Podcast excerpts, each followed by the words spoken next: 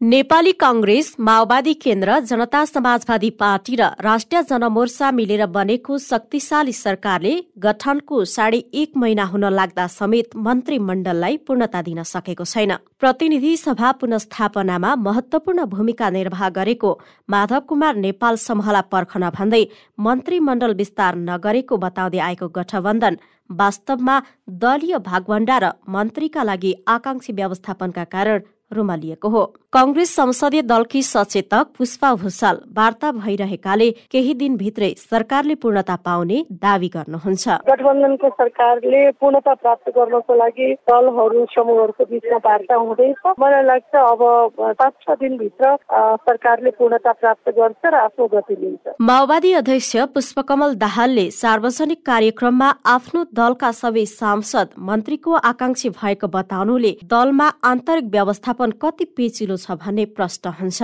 माओवादी मात्र होइन स्वयं प्रधानमन्त्रीको दल कंग्रेस र जसपामा पनि मन्त्री बन्ने आकांक्षीको संख्या यति धेरै छ कि संविधानले निर्धारण गरेको सीमाभित्र रहेर सबैलाई समेट्न केमार्थ सम्भव छैन। राष्ट्रिय सभामा माओवादी संसदीय दलका नेता दिनानाथ शर्मा विभाजित दलबारे निर्वाचन आयोगको निर्णय लगत्तै समस्या समाधान हुने विश्वास व्यक्त गर्नुहुन्छ।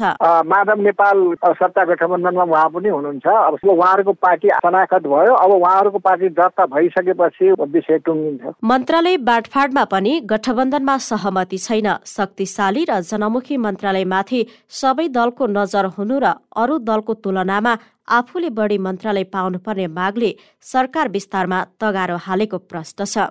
काङ्ग्रेस र माओवादीबाट दुई दुई जनालाई समावेश गर्दै बालुवाटार छिरेका प्रधानमन्त्री देउबाले एक सातापछि स्वास्थ्य राज्य मन्त्रीमा उमेश श्रेष्ठलाई नियुक्त गरेपछि मौन प्राय देखिनुहुन्छ।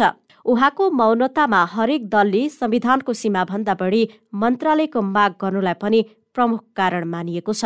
तर मन्त्रालयको संख्यामा पुनर्विचार गर्न तयार रहेको माओवादीको संकेत छ। पुनः माओवादी केन्द्रका शर्मा। माओवादी पार्टीभित्र आकांक्षीहरू हुनु स्वाभाविक हो। व्यक्तिलाई चाहिँ छनौट गरेर चाहिँ हाम्रो दलको तर्फबाट पठाउनको लागि हामी सबैको सहमति छ भनेर स्थायी समितिले निर्णय गरेर त्यो अधिकार अध्यक्ष कङ्ग्रेसलाई दिएको छ। त्यस कारण हाम्रोमा त्यस्तो छैन। हामीले पाउने भनेको छवटा अथवा सातवटा मन्त्रालय हो। त्यो चाहिँ मधेसबाट महन्त ठाकुर समूह छ। उहाँहरू आउनुभयो भने उहाँहरूसँग पनि छलफल हुन्छ। त्यसमा चाहिँ थपगढ होला। तर चाहिँ मोटामोटी कति चाहिँ समझदारी त्यही सातवटा मन्त्रालय हामीले लिने भन्ने हो। प्रधानमन्त्री देउबाले मन्त्रीमण्डललाई पूर्णता दिन प्रयास गरे पनि आफ्नै पार्टीभित्र उत्पन्न असन्तुष्टि र दलहरूबीच समीकरण नमिल्दा सफल हुन नसकेको राजनैतिक विश्लेषक होमराज दाहालको बुझाइ छ। नेपाली कङ्ग्रेसको केन्द्रीय कार्यालयमा जिल्ला सभापतिजीहरू बसिरहनु भएको छ असन्तुष्टि जाहेर गर्दै त्यसलाई पनि सम्बोधन गर्नुपर्ने अवस्था छ पार्टीभित्र। अहिले प्रधानमन्त्रीजीको पार्टी नेपाली कङ्ग्रेसमा।